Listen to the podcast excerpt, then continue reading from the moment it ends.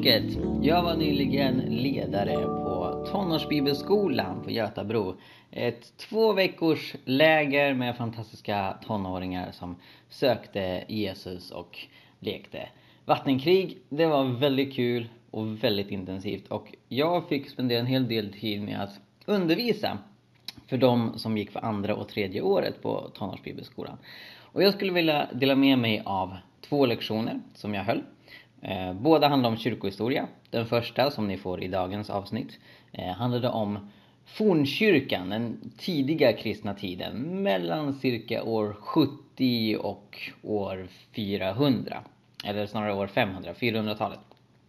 Eh, väldigt, väldigt spännande och intressant. Det få vet är att den tidiga kyrkan var pacifistisk. Den eh, använde sig av icke-våld, Eh, vägrade delta i krig. Ehm, den stod för ekonomisk utjämning. Väldigt många tidiga kristna levde i egendomsgemenskap och eh, förkastade eh, rikedom. Och den var väldigt karismatisk. Många mirakler skedde. Och där kommer ni få lite inblick i samt lite allmän kuriosa, intressanta personer, intressanta händelser i den tid som formade kristendomen till, till vad den är idag. Och jag utifrån min teologi anser ju att kyrkan i mångt och mycket gick ifrån sitt radikala ursprung och blev sämre och sämre eh, med tiden. Eh, och det speglas också i min föreläsning. Eh, så jag hoppas att ni finner detta intressant eh, och lite roligt. För att jag är en rolig plick. Plick. En väldigt rolig plick. Håll till godo!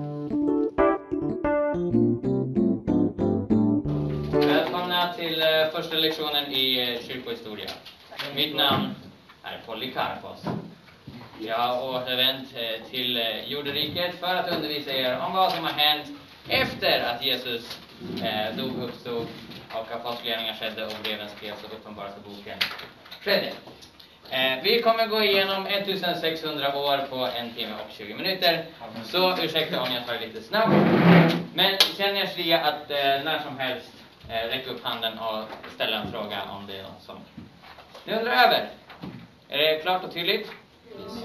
Då kör vi. Det här. Eh, det, det här. Come on. Här har vi romarriket. Okej? Okay. Så Medelhavet här, Italien, Frankrike och så vidare fanns inte då. Allt var ett enda stort rike. Eh, och eh, som ni kanske känner. Come on, don't do this to me. Nej, vi får ta den manuella vägen. Tekniken hänger inte med Polycarpos idéer. Vad händer här? Krig. Krig, precis. Vet ni vilken stad vi är i? Jerusalem. Jerusalem. Vad hände i Jerusalem år 70? Romarna kom. Romarna var redan där. Israel, eh, Israel eh, eh, nej men de hade redan tagit över. Alltså anledningen till att Jesus blir korsfäst av romare är ju för att romarna styr där. Men det som skedde var att eh, judarna inte gillade det romerska styret. De gjorde ett uppror eh, och det krossade romarna eh, fullständigt. Alltså de satte hela stan i brand. Det skedde till uppror år 135 eh, när templet eh, brann ner och liksom Jerusalem förstördes. Ja? Var det här år 70? Det här var år 70. Eh, nej, men vet du vad det är? Precis, templet förstördes år 70. Hela stan förstördes 135. Och det här hade Jesus talat om. Det här står till exempel i Matteus 24 eh, om att Jerusalem kommer att förstöras. Eh, det här gjorde att det som hade varit centrum för kristendomen, den viktigaste församlingen, eh, inte längre fanns i Jerusalem. Kristna flydde till andra ställen och kristendomen blev en mer välspridd eh, rörelse. I Rom eh, så förföljdes kristna också. Eh, det här är kejsar Nero. Han var väldigt ond. Eh, så när han hade fest eh, så använde han sig av kristna som lampor. Så han eh, eh fjuttade eld på dem och så brann de och dog medan eh, alla festdeltagare drack vin och klappade tigrar. Eh, Nero var också den som, som eh, avrättade både Paulus och Petrus i Rom.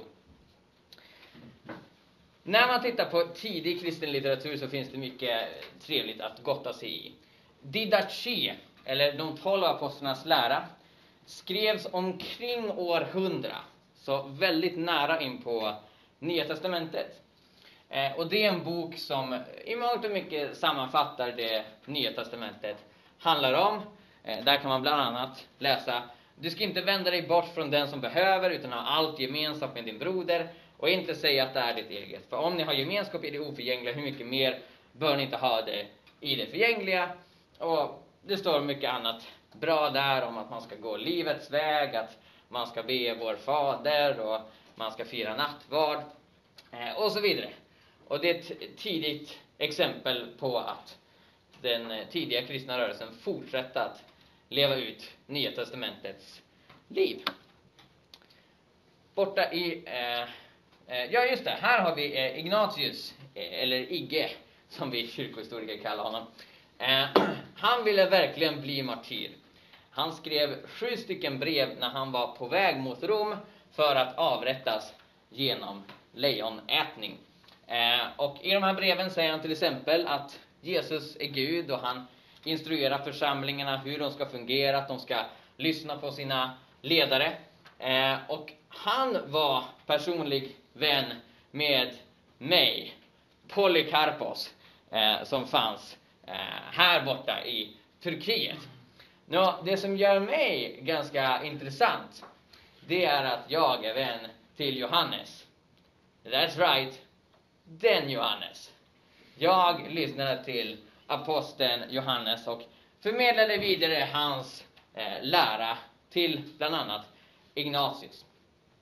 Så när man tittar på riktigt tidig kyrkohistoria så finns en tydlig länk mellan Nya Testamentet. Det var inte så att efter Nya Testamentet hade skrivits eh, så kommer Men in Black med sina neuralizers och bara pjuff, deletade minnet från hela kyrkan så att man liksom börjar ägna sig åt något helt annat. Utan man fortsätter förmedla eh, Nya Testamentets lära. Och även jag eh, skrev ett brev till eh, Filippi precis som Paulus. Eh, där jag skriver bra saker.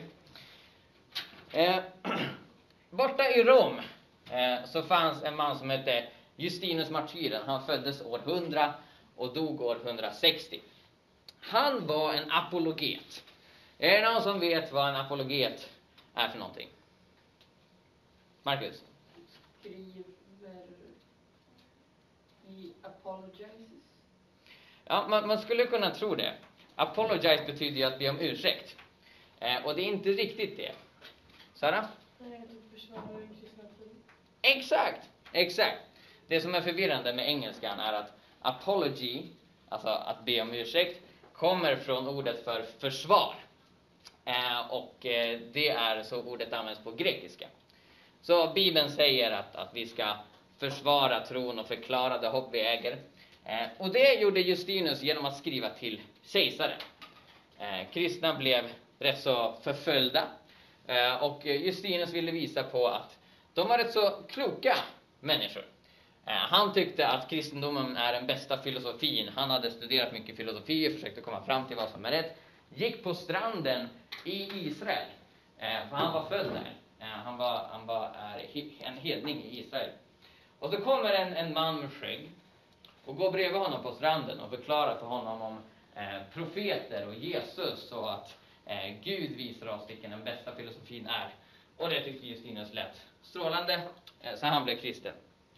Han stod även för icke-våld och ekonomisk rättvisa eh, och skrev många bra saker. Gnosticism är inte så bra, eller hur? Det kanske ni inte vet vad det är. Är det någon vet som vet vad gnosticism är? Är inte de man förnekar eh, att Jesus dog? Precis, precis. Den grundläggande tanken i gnosticismen är att kroppen är ond och allt det fysiskt är ont och dåligt. Men det som är andligt och osynligt, det är något bra.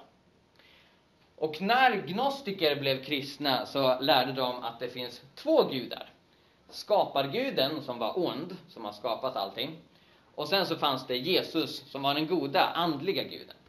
Och de förnekade att, att Jesus dog, eller att, att Gud dog på korset, för att eh, de kunde inte tänka sig att Gud blir människa på riktigt. Eh, och den här rörelsen börjar sprida sig faktiskt ganska mycket. När vi hör om den idag kan det ju låta väldigt off. Det är ju i princip en helt annan religion än det Nya Testamentet beskriver. Men de här eh, startade kyrkor och det fanns präster som gick runt och predikade detta och det spred sig mer och mer. Så en annan vän till mig, eh, som heter Irenaeus, borta i Lyon i Frankrike. Eh, han eh, tog emot undervisning från mig, eh, han träffade eh, mig ganska mycket och jag förmedlade undervisning från Johannes till honom. Han såg till att han skulle strida mot gnostiker och falska evangelier. Är det någon som har hört talas om Da Vinci-koden? Ja, det har inte jag, för jag är inte född än. Men, det jag har hört om Da Vinci-koden är att där så står det om Maria Magdalenas evangelium, Petrus evangelium och andra evangelier som inte ingår i Bibeln. De här författades väldigt ofta av gnostiker långt senare än våra bibelböcker. Och de kunde säga saker som att kroppen är ond och att Jesus inte dog på riktigt och sådana där saker. Och spreds runt i de här kyrkorna. Så Irenaeus han författade en stor bok som heter Mot heresierna. Heresi betyder villolära, felaktig lära. Och där så förklarar han att det är bara fyra av evangelierna som vi kan spåra tillbaka till apostlarna, till de första kristna. Och det är förstås Matteus, Markus, Lukas och Johannes. Så Irenaeus skrivande var väldigt viktigt för att kyrkan skulle finna sin identitet och veta vad som faktiskt var sant. Då har vi tagit oss igenom de första 200 åren av kristendomens historia. Har vi någon fråga? Skönt! Då går vi vidare till 200 och, eller ja, 200-talet helt enkelt. Nere i Afrika eh, så hände det ganska mycket. Alexandria eh, fick sitt namn från Alexander den store. Hade ett eh, stort bibliotek eh, som eh, brann, tyvärr. Eh, och där eh, fann vi en man som hette Origenes. Han eh, var ganska speciell. Han kastrerade sig själv för han, han tyckte det ska man göra som kristen. Eh, han byggde ett stort bibliotek, inte det som brann då, utan i Caesarea i Israel. Och han skrev mängder med bibelkommentarer där han promotade bildlig tolkning. Nu det var inte så att han tolkade allt bildligt. Eh, men han menade att bibeltexten har flera olika lager. Och när vi till exempel läser om Moses och den brinnande busken så kan det på ett ytligt plan handla om att Moses träffar Gud i en brinnande buske. Men på ett djupare andligt plan så kan det handla om hur vi möter Gud i det oväntade. Eh, och han tyckte om att liksom borra sig ner i bibeltexten och hitta eh, nya spännande tolkningar. Hans skrifter blev ganska inflytelserika. Eh, så den alexandrinska skolan, eh, där man promotade bildlig tolkning, eh, fick inflytande från och med hans livstid. Borta i Kartago, en annan afrikansk stad i Tunisien, känd för Hannibal och hans stridselefanter, finner vi Tertullianus. Eh, eh, han var en väldigt eh, spännande man. Han argumenterar för icke-våld och pacifism, idén att kristna inte ska vara soldater. På den här tiden så hade det blivit fler och fler kristna. Vissa hade tagit sig in i den romerska armén och då så var det en eh, kristen soldat som vägrade strida. Eh, han blev straffad för detta och då skrev Tertullianus en skrift där han förklarade varför eh, kristna inte kunde strida för kejsaren, utan de kunde be, men de skulle inte döda. Eh, Tertullianus är känd för att han myntade ord som treenighet och sakrament och andra sådana rätt så kristna ord. Han var en av de första som skrev på latin. Alla de vi har gått igenom hittills skrev på grekiska. Eh, och han joinade en karismatisk utbrytargrupp. De kallades för montanister. De betonade Eh, profetia och helig ande och eh, andliga upplevelser och sånt där och tyckte att resten av kyrkan hade blivit lite, lite stelbent. Det var lite för mycket biskop och lite för lite profet. Eh, och Tertullianus gick med dem eh, och var med där till sin död. Han skrev en, en bok eh, om profetia som hette Extas. Eh, men den finns inte kvar. Den brändes. Och Tertullianus blev på det sättet lite kontroversiell i den tidiga kyrkan. Eh, för medan montanisterna inte direkt predikade något som var helt fel, så fick de lite tokiga idéer. Bland annat så stack de till Syrien och satte sig och väntade på ett berg på att Jesus skulle komma tillbaka. Vilket han inte gjorde. Eh, så de betraktade det som lite koko. Eh, Tertullianus däremot, han var rätt så smart. Och det här hände efter att Tertullianus hade dött. Eh, här har vi eh, Perpetua och Felicite. Eh, det var ett, eh, eh, ett par eh, kristna systrar eh, som blev martyrer och berättelsen om deras martyrskap blev väldigt välspridd i eh, fornkyrkan som ett exempel på kristen uthållighet. Eh, Perpetua, eh, hon eh, fängslades eh, kort efter att hon eh, hade dött eh, tillsammans med sitt barn. Eh, hennes pappa eh, argumenterade för att hon skulle överge tron på Jesus, men hon vägrade. Eh, och hon var profetisk. Så hon tog emot eh, flera syner, eh, bland annat en eh, där hon klättrade ner för en stege gjord av svärd mot en drake. Hon höll i drakens huvud som tog henne till en trädgård där Gud gav henne en ostkaka. Jag skojar inte. Hon fick en ostkaka. Eh, hon och eh, Felicitas eh, åts upp av djur i en arena. Eh, och på den här tiden så hade som sagt kyrkan blivit lite stel. Eh, och fler och fler längtade efter mer radikalitet och, och, och, och mer överlåtelse till Jesus. Så Antonius, en egyptisk kristen, eh, tog sig kring 18 års ålder ut i öknen och sökte Gud. Eh, han hittade ett fort, ett övergivet fort, och där satte han sig och bad. Eh, lokalbefolkningen i närheten gav honom mat och han spenderade faktiskt, jag tror, ungefär 20 år i det där fortet. Så en vacker dag så kom han ut och hans ansikte sken som solen. Folk blev otroligt inspirerade av honom och han hade plockat på sig väldigt mycket vishet. Han hade brottats med många demoner Eh, och han eh, blev startskottet på klosterrörelsen. Fler och fler gick ut i öknen och först var de lite för sig själva i varsin cell, liksom utspridda i grottor. Men efter ett tag så kom de på, att det här kan vi göra tillsammans.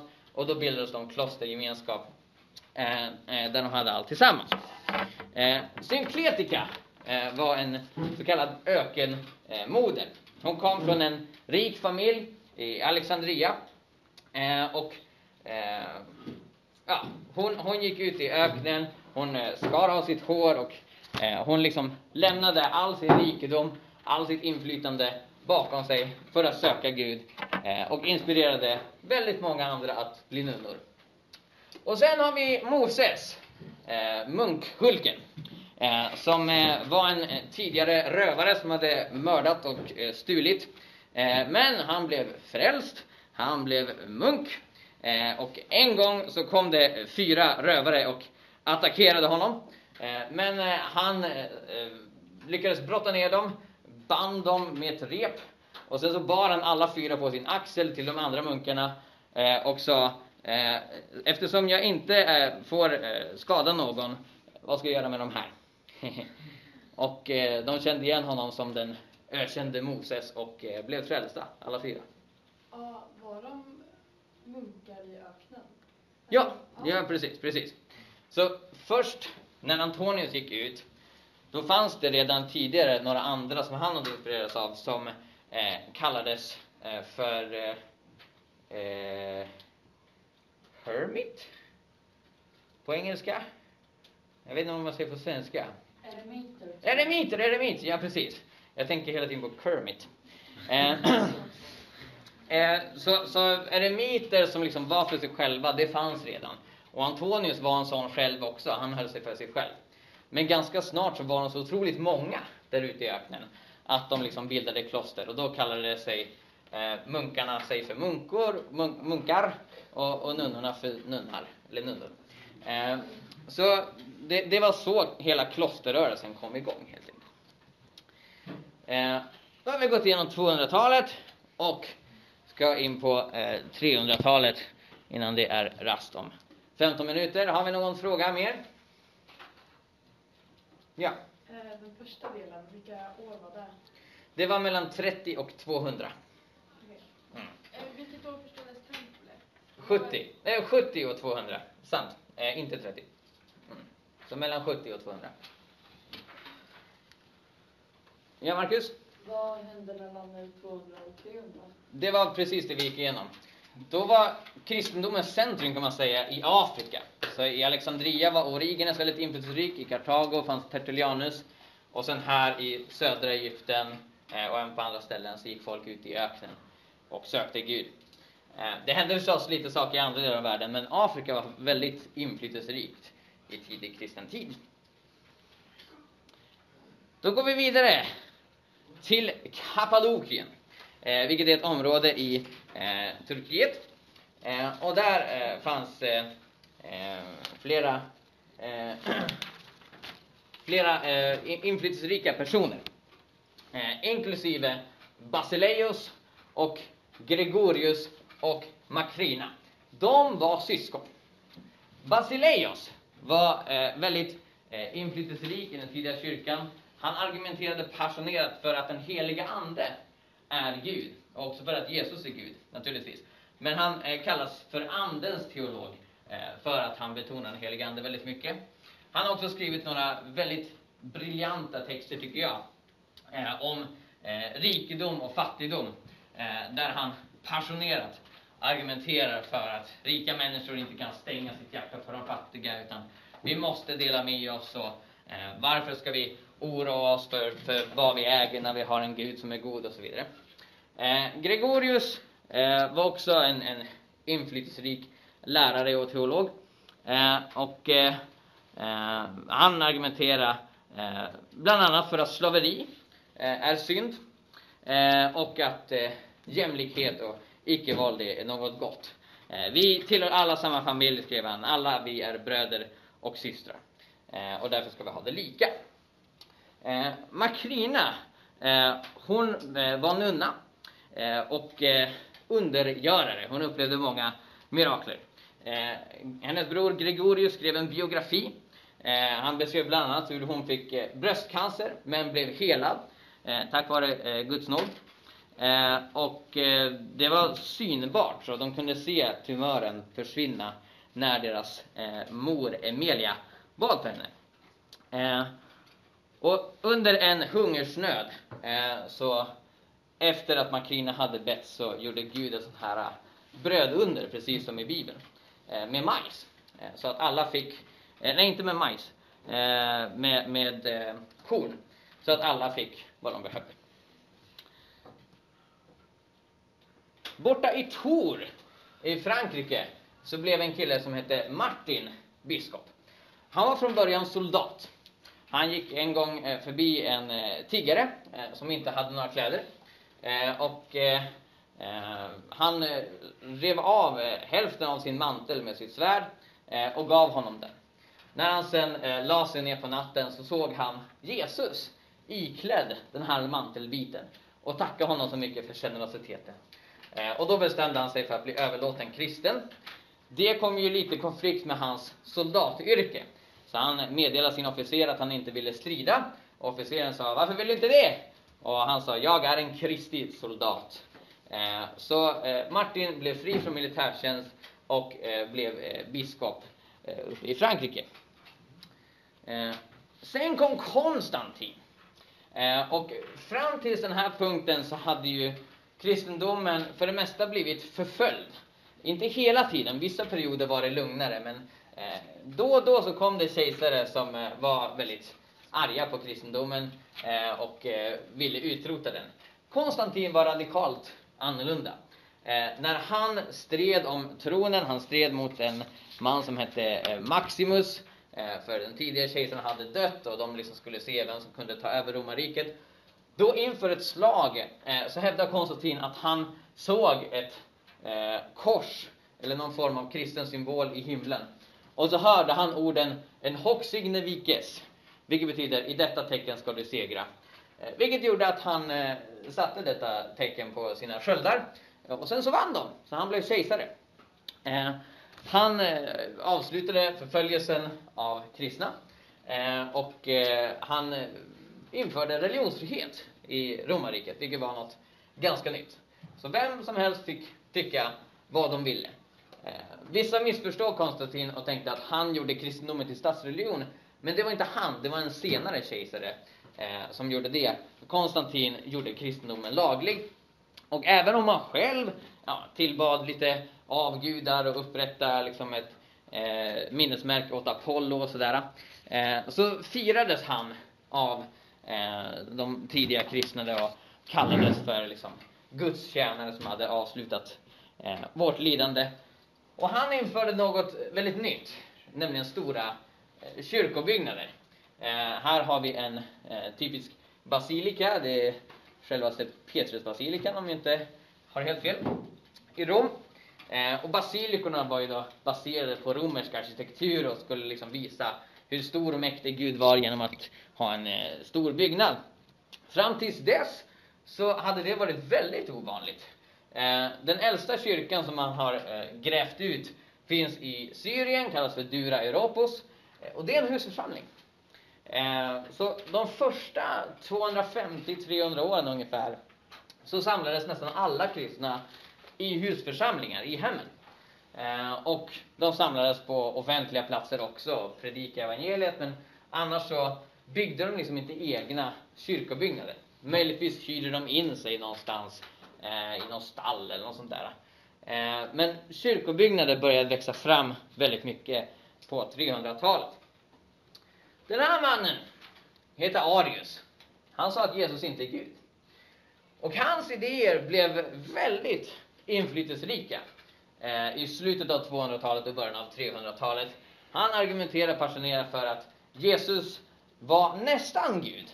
Men Jesus har inte alltid funnits. Det fanns en tid då Jesus inte fanns, medan Gud Fadern alltid har funnits. Hans idéer blev väldigt välspridda. Fler och fler präster och biskopar började hålla med honom. Så detta blev en stor debatt. Det fanns någon som skrev att det gick inte att gå till frisören i romarriket utan att hamna i en debatt om huruvida Jesus är Gud eller inte.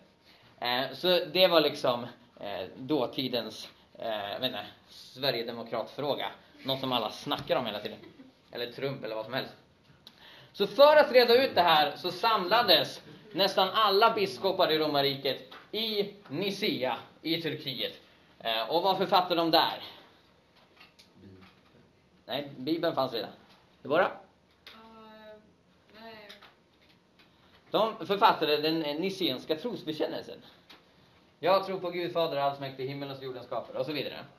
Eh, för att fastslå att Jesus är Gud av Gud, ljus av ljus, sann Gud av sann Gud, född och inte skapad av samma väsen som Fadern. Så det var liksom en sammanfattning av kristna tron som tog spjärn mot de här arianska idéerna om att Jesus eh, inte är Gud. Eh, ibland, eh, alltså det var en bra gissning att, att Bibeln liksom fastställdes i Nicaea, eh, men så var inte fallet. Eh, Bibeln var liksom ingen diskussionsfråga, det visste man vad, vad som skulle ingå där. När, när bestämdes det vilka böcker som skulle vara med i Bibeln? Är inte det på 300-talet? Det, det var på 300-talet, men det var inte i Nicea.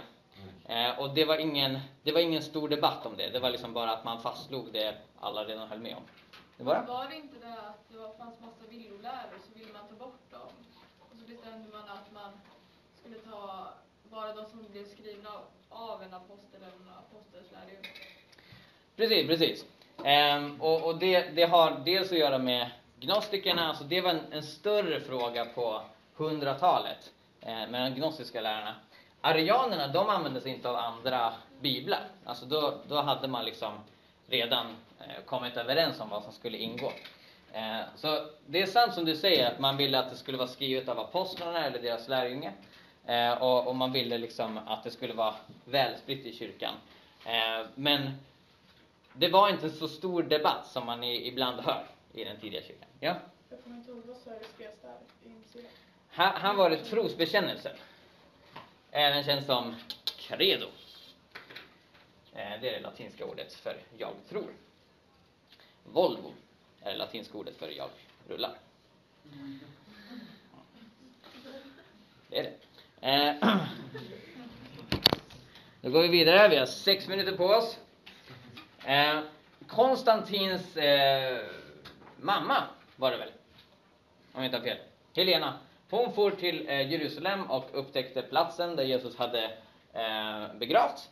Eh, och såg till att det byggdes en kyrka där. Eh, och eh, vad, vad ska man säga? En påbyggnad av den kyrkan finns fortfarande kvar eh, i Jerusalem. Den helige gravens kyrka.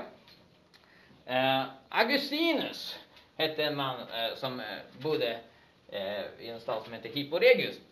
Han är en av de absolut viktigaste tänkarna i västvärldens historia och flera av er har säkert hört talas om honom tidigare. Det finns mycket att säga om honom, men vi har bara fem minuter på oss. Han eh, blev frälst efter att han hade bett till Gud eh, och eh, ett barn, eh, han hörde ett barns röst som sa Tag och läs, tag och läs, tag och läs. Så då så hade han sin bibel där och så läste han bibeln så blev han frälst. Sen så fanns inget barn i närheten utan det var en ängel eller något som han hörde. Eh, och, och hans filosofiska idéer och teologiska idéer om vem Gud är eh, blev otroligt inflytelserika. Eh, men han levde efter Konstantin. Eh, och det gjorde att han argumenterade för att eh, kristna ska använda våld. Och inte bara det, i vissa texter och brev så argumenterar han för att kristna ska använda tortyr för att föra folk till tro. Alltså att man ska tortera dem och liksom vrida, vrida av armen på dem tills de bekänner Jesus som Herre. Eh, och det var ju en väldigt ny approach till evangelisation, eh, men som kom att bli väldigt inflytelserik i romarriket. Theodosius hette kejsaren som jag nämnde tidigare. Han gjorde kristendomen till statsreligion 380. Så från att kristendomen i början av 300-talet hade varit en förföljd religion så blev kristendomen 380 en förföljande religion. För att det var statsreligion innebar att det var olagligt att inte vara kristen. Och de som samlades för att tillbe andra gudar, de blev fängslade och det bara Var han kejsare i Rom? han var kejsare i Rom, precis. Så han blev romarrikets kejsare.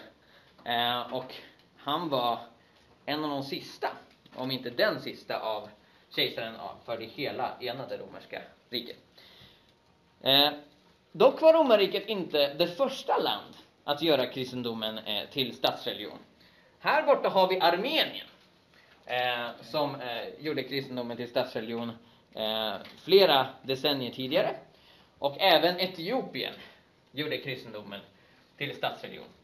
Det sägs ju att kristendomen tog sig till Etiopien genom den etiopiska hovmannen eh, i Apostlagärningarna. Och i vilket fall så eh, vet vi att kristendomen var välspridd där eh, på 200-talet och 300-talet och finns kvar än idag.